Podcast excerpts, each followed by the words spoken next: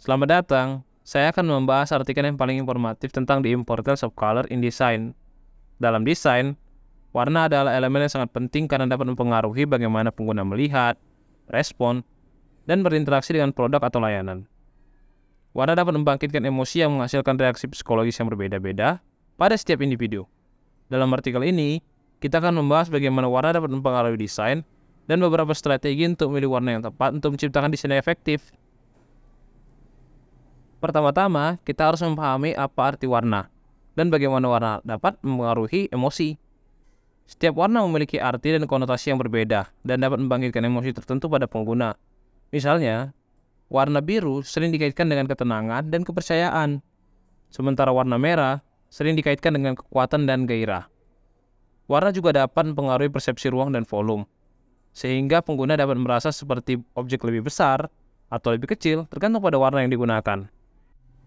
Penting untuk mempertimbangkan warna dalam desain karena dapat mempengaruhi cara pengguna berinteraksi dengan produk atau layanan.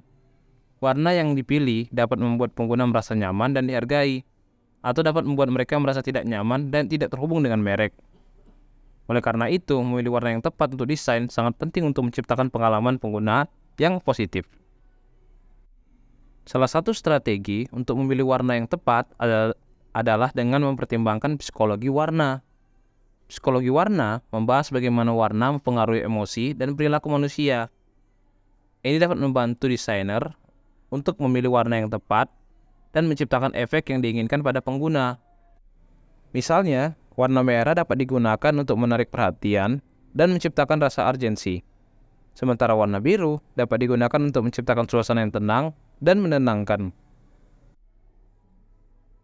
Selain itu, desainer juga dapat mempertimbangkan teori warna. Teori warna membahas tentang bagaimana warna berinteraksi satu sama lain dan cara penggunaan warna dalam kombinasi yang tepat dapat menciptakan efek yang diinginkan.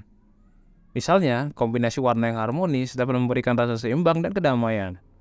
Sementara kombinasi warna yang kontras dapat menciptakan efek yang dramatis dan menarik perhatian. Namun, penting juga untuk mempertimbangkan audiens target saat memilih warna untuk desain.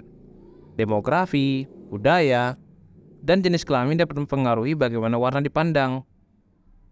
Sebagai contoh, warna merah dapat dianggap sebagai warna yang berani dan energik di Amerika Serikat.